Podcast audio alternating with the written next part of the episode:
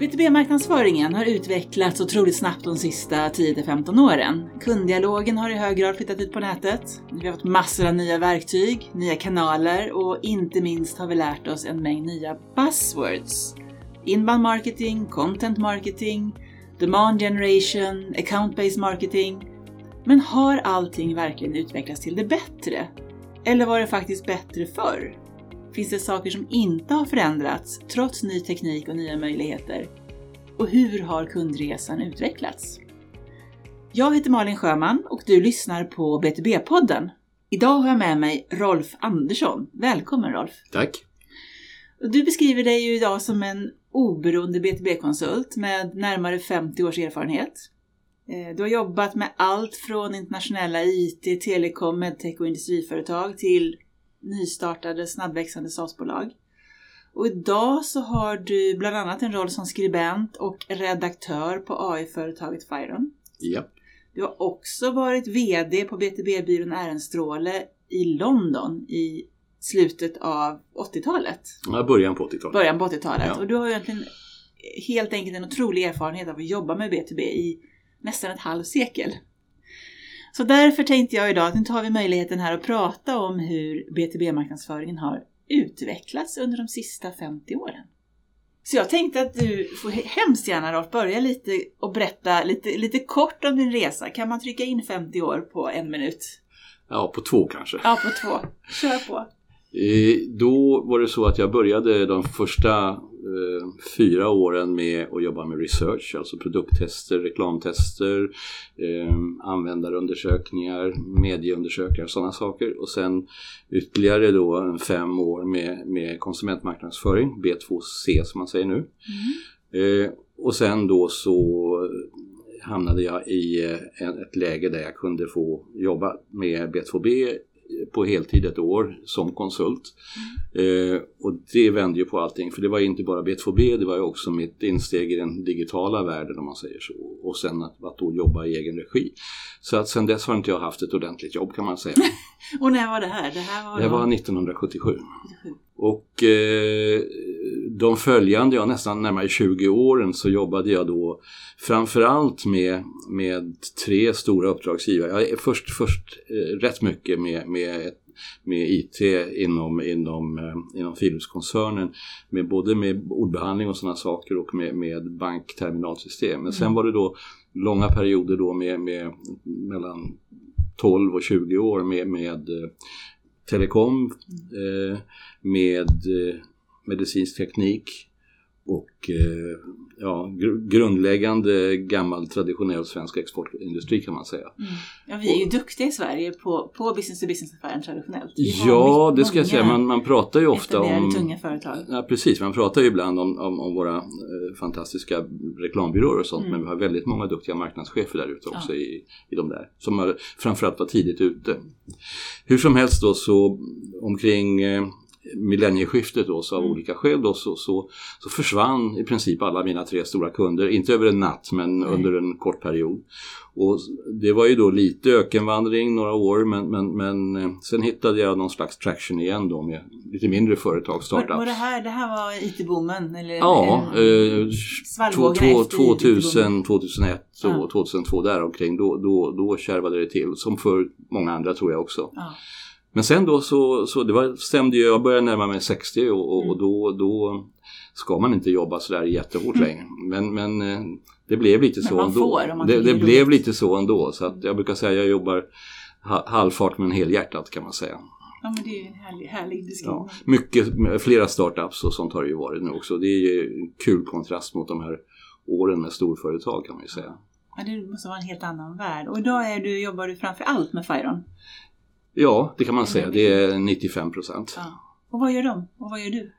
Firon, de jobbar med någonting som man kan sammanfatta som automatiserade videoannonser. Det låter ju kanske konstigt men eh, det finns ett gammalt uttryck som, som alla förstår kanske vad det går ut på men det finns ganska få exempel på, på, på vad det är. Mm. Och det är ju det, är det här med, med mass customized marketing. Mm. Det vill säga att du kan jobba med mass, massteknik fast varje enskild produkt Anpassar är annorlunda. ändå, ja. Och då är det ingen tillfällighet att de som snappade bäst på det här det var bilhandeln. Mhm. För om du tänker att du har, om du har eh, en stor återförsäljare av bilar idag, han kan Mm. ha både 10 000 och, och, och i vissa fall 100 000 bilar i lager Mm. som ska säljas. Mm. Eh, Kanske på flera orter i landet men med en databas någonstans. Och sen vet man det att, att eh, vanliga bilannonser de är inte så roliga att titta på, inte så himla effektiva. Och väldigt generisk ofta. Ja, precis, precis, precis. Och, rutin, och, och, kräver ändå en massa jobb då. Ja. Och då kom de här killarna eh, på ett sätt att eh, göra videoannonser baserade på, på befintligt material, befintliga stillbilder. Mm. Eh, man pluggar alltså in databasen eh, i, i Firons eh, maskineri om man säger så. Mhm. Och sen kommer det fullkomligt sprutar ut videoannonser. De kan alltså tillverka tusentals videoannonser på några, på, några, på, några, på några minuter. Men då behöver inte en och samma person titta på alla dessa tusen annonserna. Nej, i slutändan så är det väl någon form av hos kunden, någon form av att man kanske, jag vet inte om man sorterar ut några Mm. få promille eller något sånt där som det är något fel på eller så, men, men i princip så går det bara av sig självt. Vad gör du på Firen? För du jobbar inte med Ja. själva bildbehandlingen. Nej, allt det här som jag pratat om det är ju egentligen B2C Ja. ur, ur, ur handlarnas synpunkt. Och, och jag sitter med i det gäng som jobbar och försöker sprida det här över världen då Ja. så att säga. Så att vi, vi, eh, vi är väl liksom B2B-gruppen i det här. Mm. Vi, vi, eh, vi jobbar då med väldigt mycket på nätet. Mm. Eh, Jag har väl då kommit att handla mycket, ja, mest om, om eh, eh, sociala medier.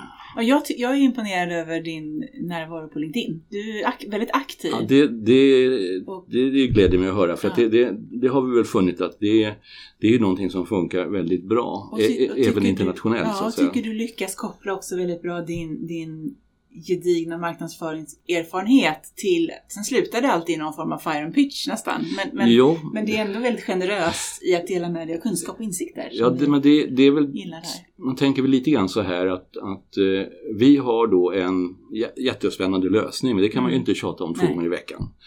Och då måste vi fråga oss, vad är de intresserade av, de som vi eh, Mm. vänder oss till? Ja, det är Mm. marknadschefer och säljchefer. Mm.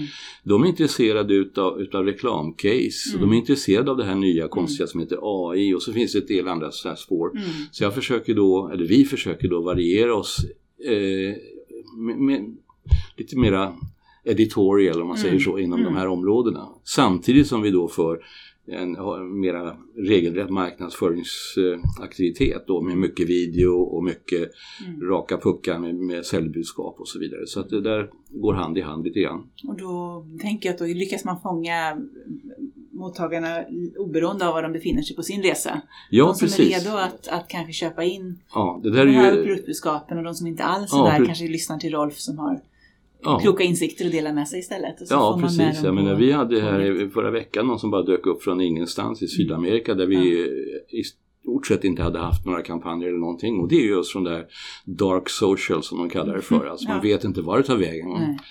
Eh, och det är ju, Trägna, trägna arbetet ändå som Ja, som någonstans, någonstans så, så det ligger ju kvar där ute och skvalpar och man vet inte när man får napp så att säga. Va? Så att det, är, det är inte bara precision det handlar om. Nej. Nej, men det är kombinationen. Men vad skulle du säga om, om vi då tittar på det här halva seklet som har passerat. Mm. Vad är de största skillnaderna mellan att jobba med B2B-marknadsföring idag och i början på din bana, 70-80-talet?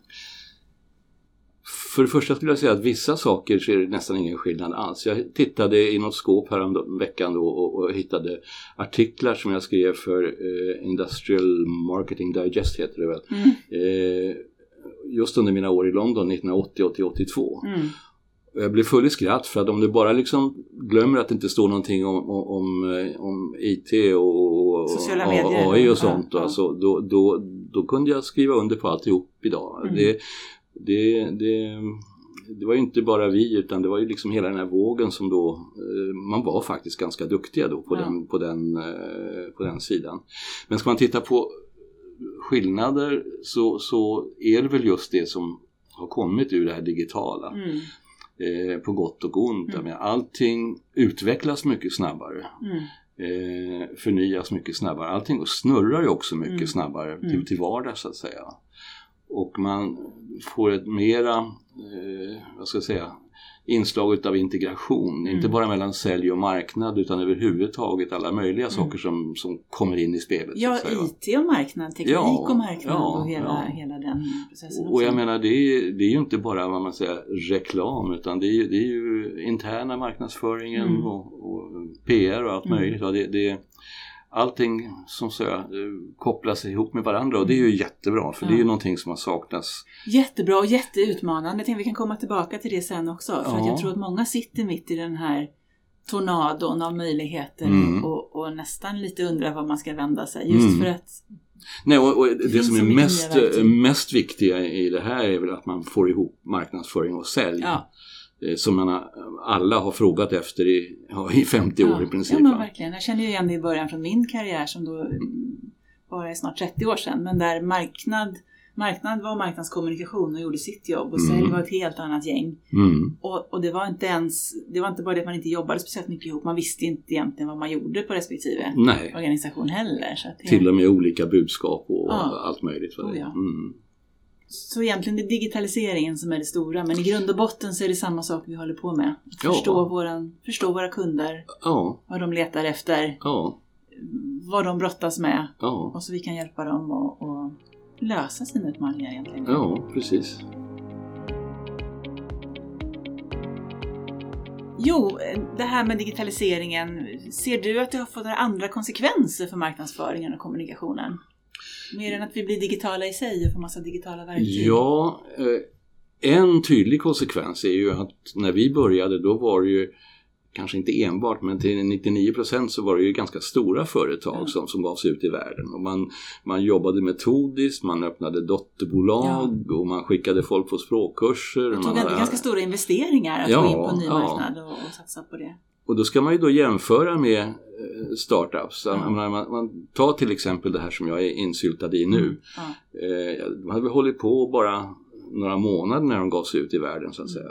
Mm. Och, och nu, nu den här bilexemplet jag nämnde, de har, har vi igång med det kanske lite drygt tre år. Vi har Mm. liksom tusentals kunder i 25 länder på den här korta tiden så att säga. Utan att ha, ja vi har några, eh, några gubbar ute på, på viktiga Mm, marknader mm, men i mm. stort sett så har det där byggts upp eh, med så små resurser Och, menar jag. och, ja, precis, och det tänker jag också på för vi har ju, vi har ju ett, ett gäng kunder som är kanske inte rena startups men definitivt scale-up-bolag som Mm. har gått ut ganska tidigt Mm. och, och med argumentation. Dels att det går att gå ut tidigare, du går, du går att bygga en närvaro Mm. digitalt utan Mm. att ta hela den här eh, utbildningsinvesteringen det vi pratade om. Ja, Men också för att man känner att man måste. Ja. Hemmamarknaden är så liten. Det är Ja. väldigt svårt att skala ett, ett SaaS-bolag eller ett bolag med en teknisk produkt på bara Mm. den svenska marknaden. För så många Ja. köpare finns det inte. Man Nej. måste gå ut också. Nej precis och jag menar det, det, är, ju, det är ju inte alla nystartade företag som, som, som, det får man också komma ihåg, som är SaaS-bolag så att säga. Mm.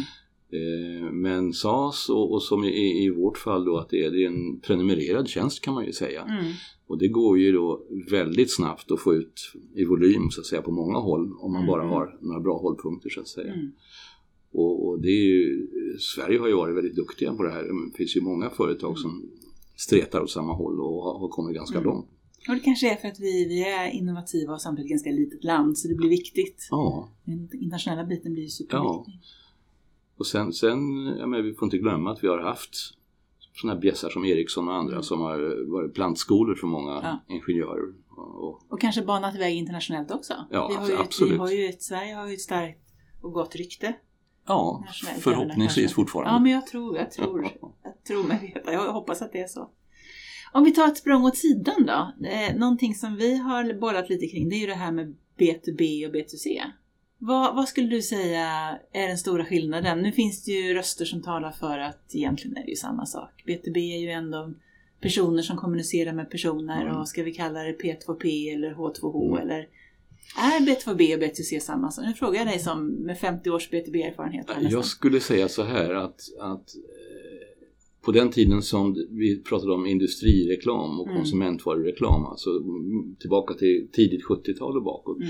då var det ju då väldigt, väldigt tekniskt Ja. eh, det här producentvarureklamen.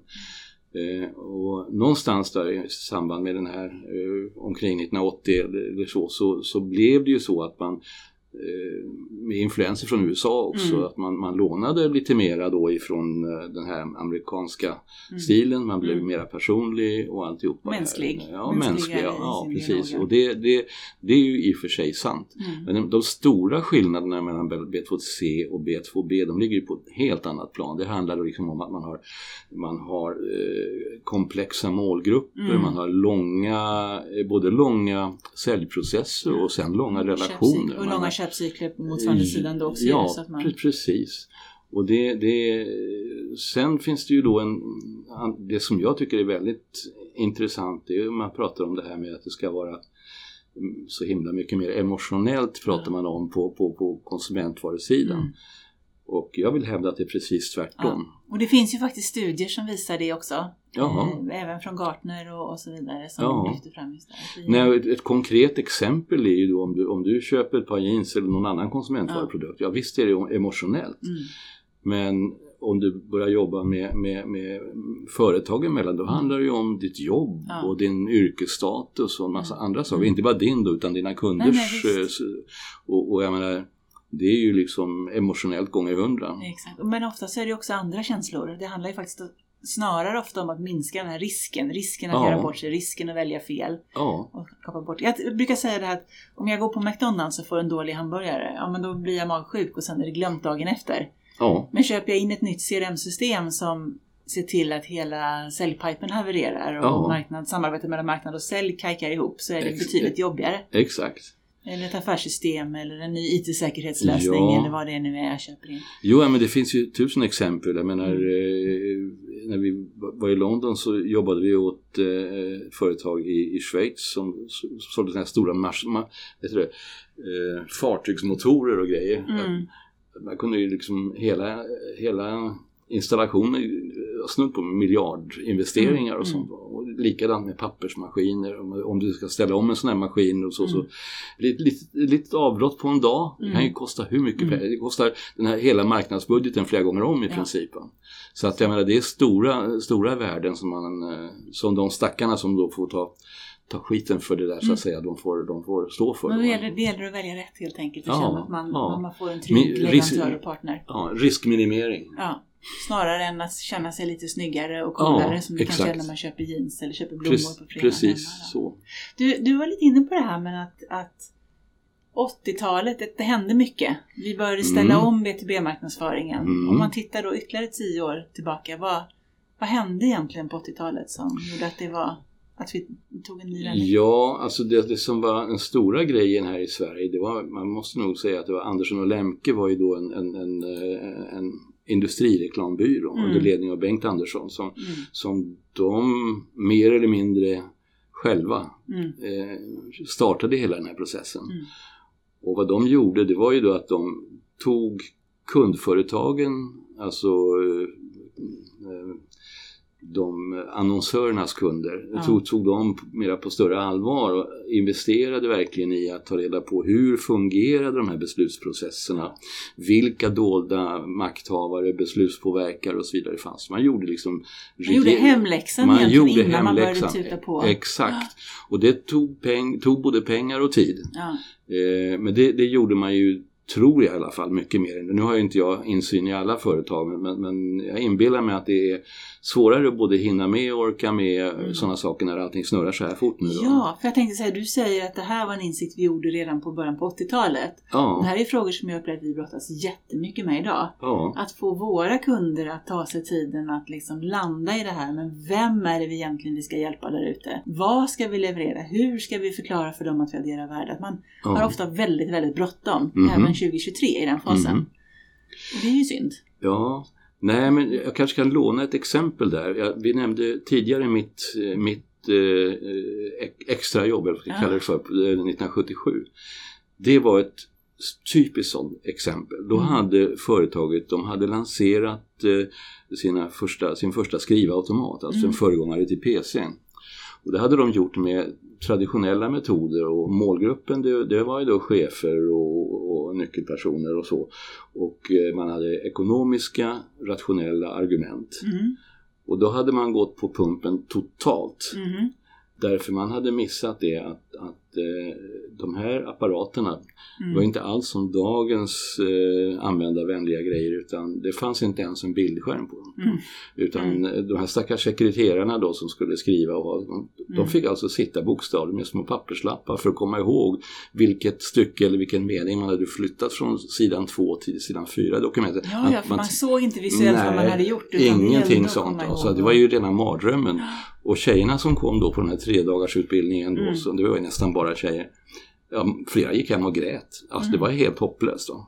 Och Här trodde man man hade kommit med den fantastiska nya tekniken Ja. som skulle göra arbetet så mycket enklare. Ja, Och, och det blev ju, det blev ju bättre men, men, men, men eh, det där lyckades vi och, och vår reklambyrå då eh, vända till stor del då genom att man fokuserade lite mera på sekreterarnas eh, lite mer långsiktiga möjligheter Mm, och så mm. vidare. Så man kommer ifrån det där så småningom. Men, men det är ett typexempel på Mm. hur man kan eh, satsa på helt fel människor och med helt fel argument Mm. så att säga. Jo, vi, vi träffar ju på företag fortfarande idag som, som inte kan förstå att de inte redan har tagit hela marknaden för de har ju den bästa tekniken. Ja. Och varför ska vi marknadsföra oss när vi har bästa tekniken? Mm. Ba, bara människor förstår så kommer vi Mm. vinna hela marknaden. Så Mm. det, finns nog en, det finns nog en utbildningskurva kvar att göra tror jag. Ja, definitivt. Och just då, man kan ju säga så här att, att eh, en, en intressant grej då med den här nya, den senaste tekniken, Mm. det är ju att det fortfarande är teknik och Mm. det betyder att det är tekniker som Mm. vill sälja något och det är tekniker som ska förklara och så vidare. Mm. Och det är fortfarande så att eh, helt vanliga användare, men jag är själv teknisk idiot i stort sett va? och det, det, det, det finns åtminstone en stor andel sådana Mm. ute på, på kundsidan också. Absolut.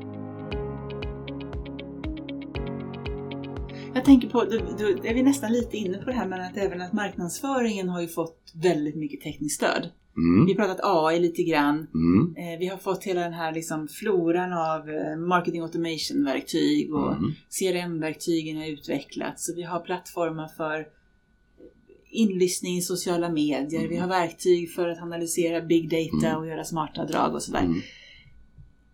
Jag upplever att det finns en, en oro eller en stress där ute bland marknadschefer och marknadsförare att hur sjutton ska jag Ja, men hur ska jag ta till mig all tekniken? Mm. Hur ska jag hinna med? Hur ska jag veta vad jag ska göra med den? Frå- Frågan är om, om du ska göra det. Jag Ja. menar, eh, det är ju trots allt en verktygslåda. Mm. Eh, och dels så, så kan du inte ta till dig allting. Och dels så har ju då förhoppningsvis varje verktyg har ju någon form utav funktion, eh, en, en möjlighet att göra någonting lite bättre. Mm.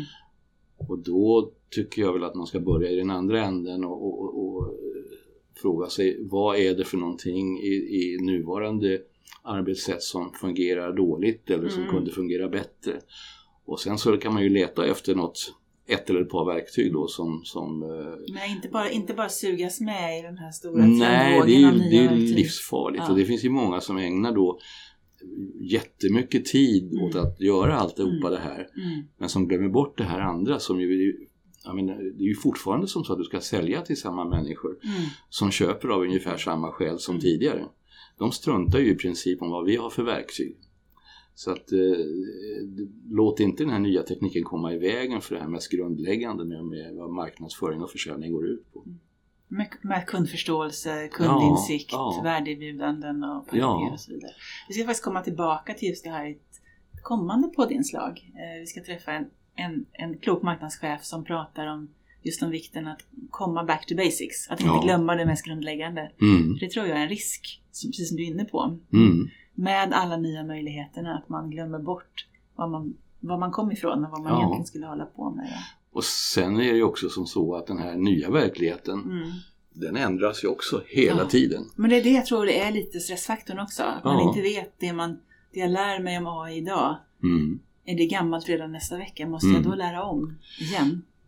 Där skulle jag vilja skjuta in en grej också. Det är att vad vet och vad tycker människor om AI? Mm. Jag kan bli lite smått frustrerad när jag tänker på vad som står i tidningarna och vad folk pratar om. Och nu, här bara i dagarna så kom det ju någon undersökning om att, att eh, de flesta ser AI som någonting negativt. Mm.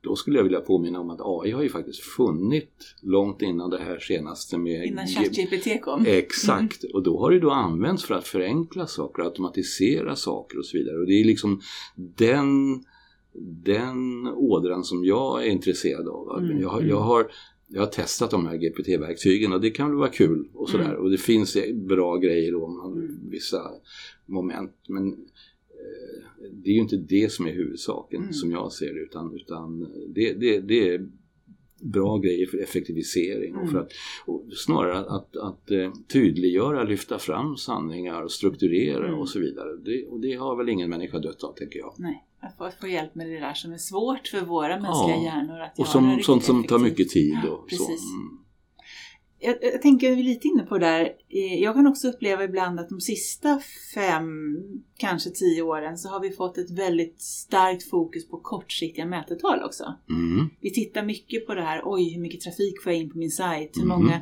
hur många klickar på mina banners? Hur, hur många laddar ner? Vi pratar mm. mycket om mm. leadsmagneter och nedladdningar och konverteringar och sådär. Eh, och lite som du var inne på, att det är lätt lättare att fokusera på kortsiktiga mätetal mm. och, och, leverera antal klicks och antal mm. nedladdningar. Mm. Medan vi ibland glömmer det här som sagt, grundläggande arbetet.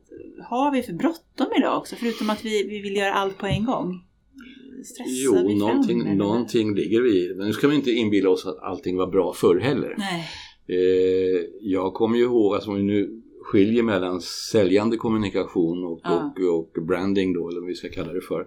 Så jag menar, på den gamla goda tiden inom citationstecken så, så gjordes det ju väldigt mycket konstig branding. Mm, eh, det var hela uppslag i, i dagspress och annat med flummiga idéer mm. och sånt som, som vackra bilder och tomma ord och vad det ville. Mm. Och eh, det där ska vi ju inte ha tillbaka om man säger så.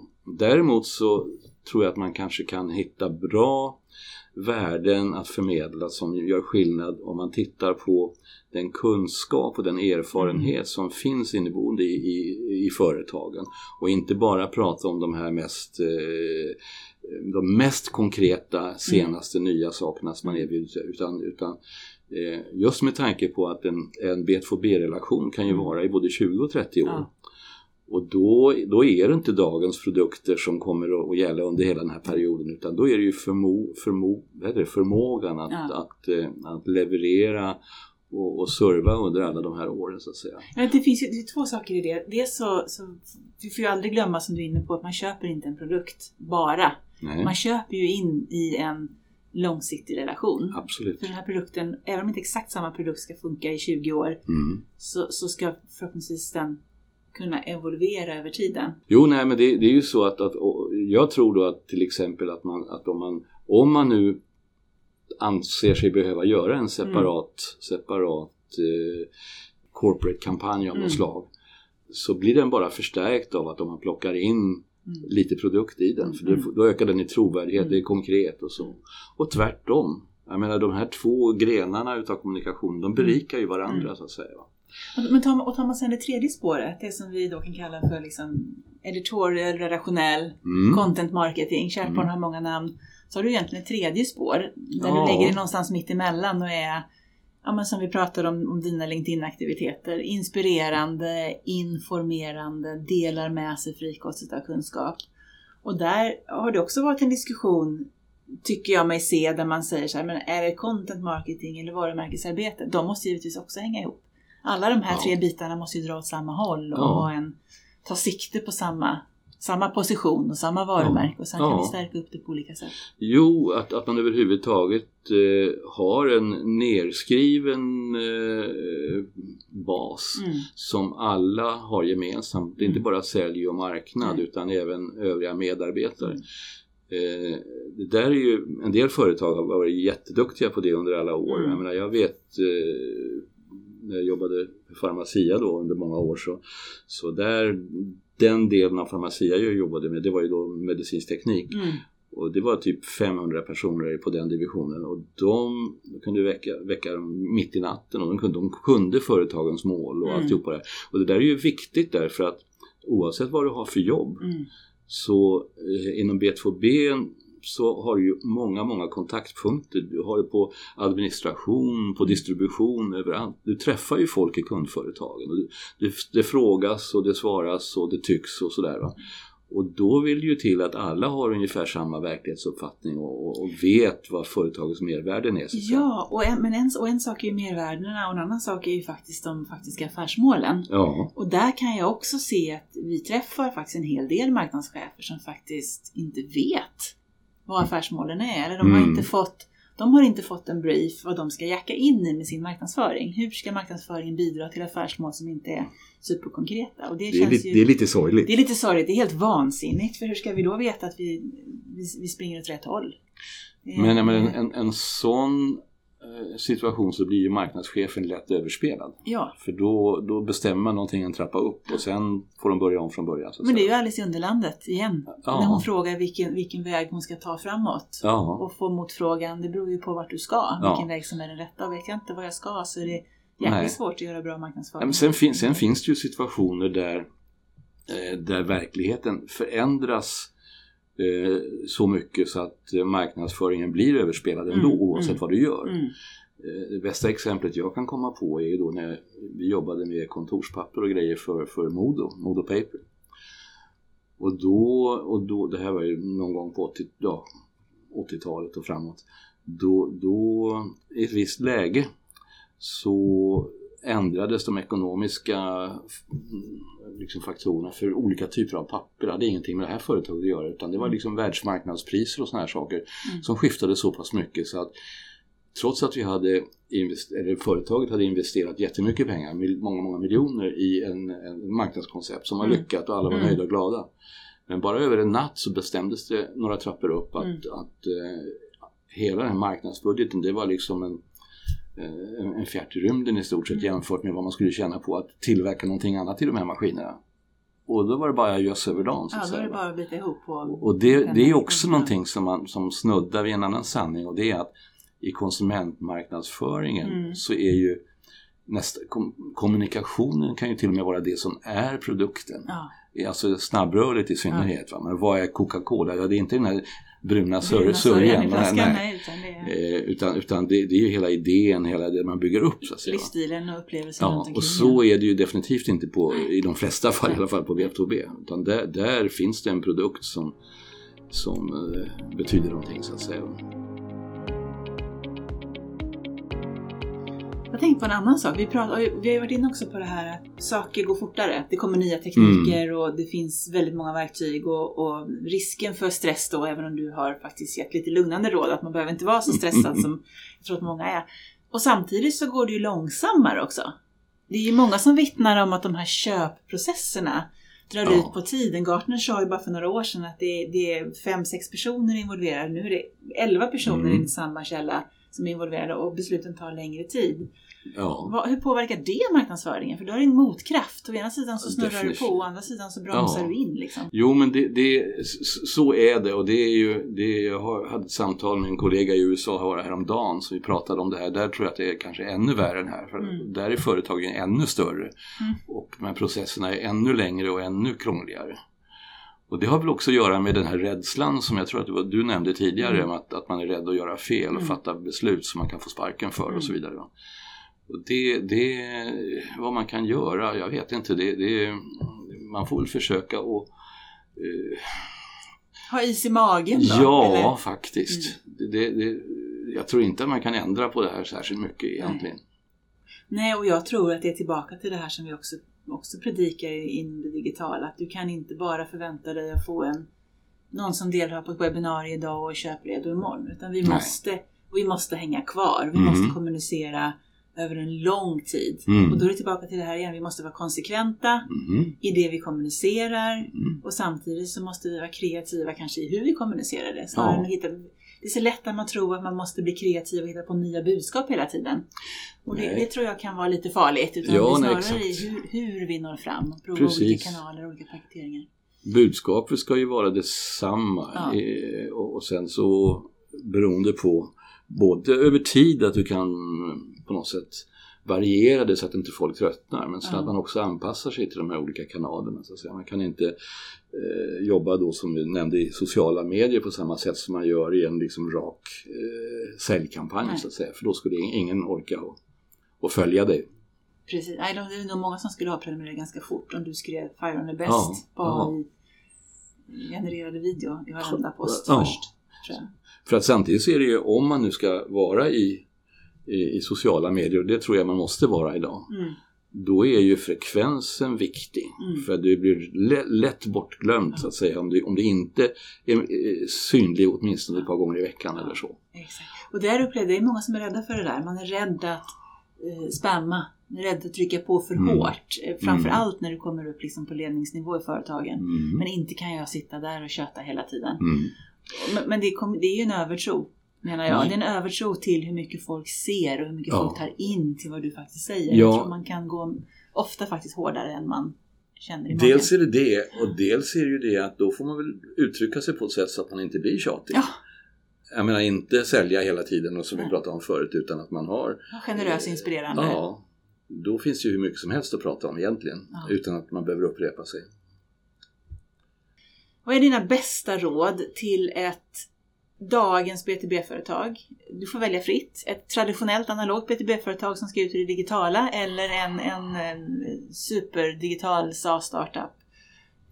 Tre råd till den som vill lyckas i sin marknadsföring business to business framåt. Tr- Jag tror vi har pratat om det, det mesta här redan nu Mm. men, men ett definitivt råd är ju det att inte låta sig bländas av den här nya tekniken. Ja. Därför att det mest grundläggande och det som kommer att avgöra i längden Ja, dels självklart vad, vad du har att sälja, vad du har att erbjuda men, Mm. men, men det är de här mänskliga relation- relationerna. Mm. Det kan ju finnas undantag där det är liksom helt, helt mekaniserat allting men, men i de allra flesta fall så, så det som var viktigt förut att bygga, bygga relationer, Mm. att synas och, och, och, vara likable och alltihopa det där. Va? Det, det är ju precis lika viktigt idag.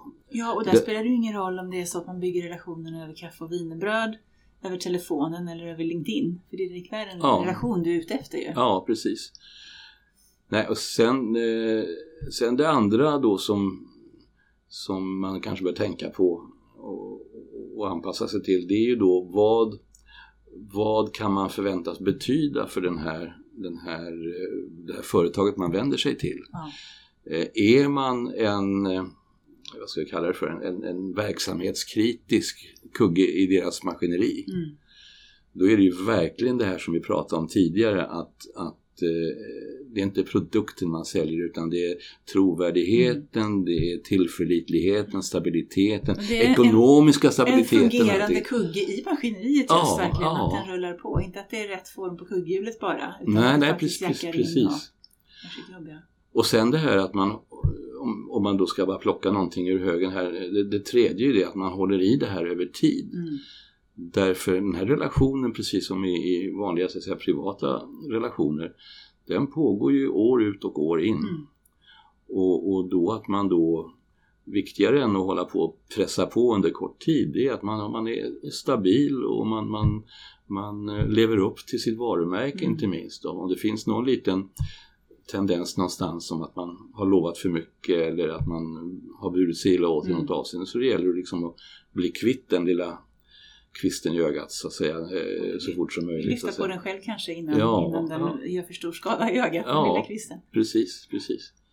Det är väl ungefär så jag skulle säga. Alltså inga, man kan ge sig in och ha massa åsikter om, om olika tekniker och såna här Mm. saker men de är i alla fall bortblåsta imorgon så att det är ingen idé att man, Precis. man försöker. Utan Det- det, det, det- det, är de här eviga värdena, det är de som jag Att tror hålla man sig ska... kvar till grunden. Förstå Ja. kunden, förstå hur man Ja, kan hjälpa till. Och se till att man, man har med sig hela organisationen, det är ju Ja. också jätteviktigt.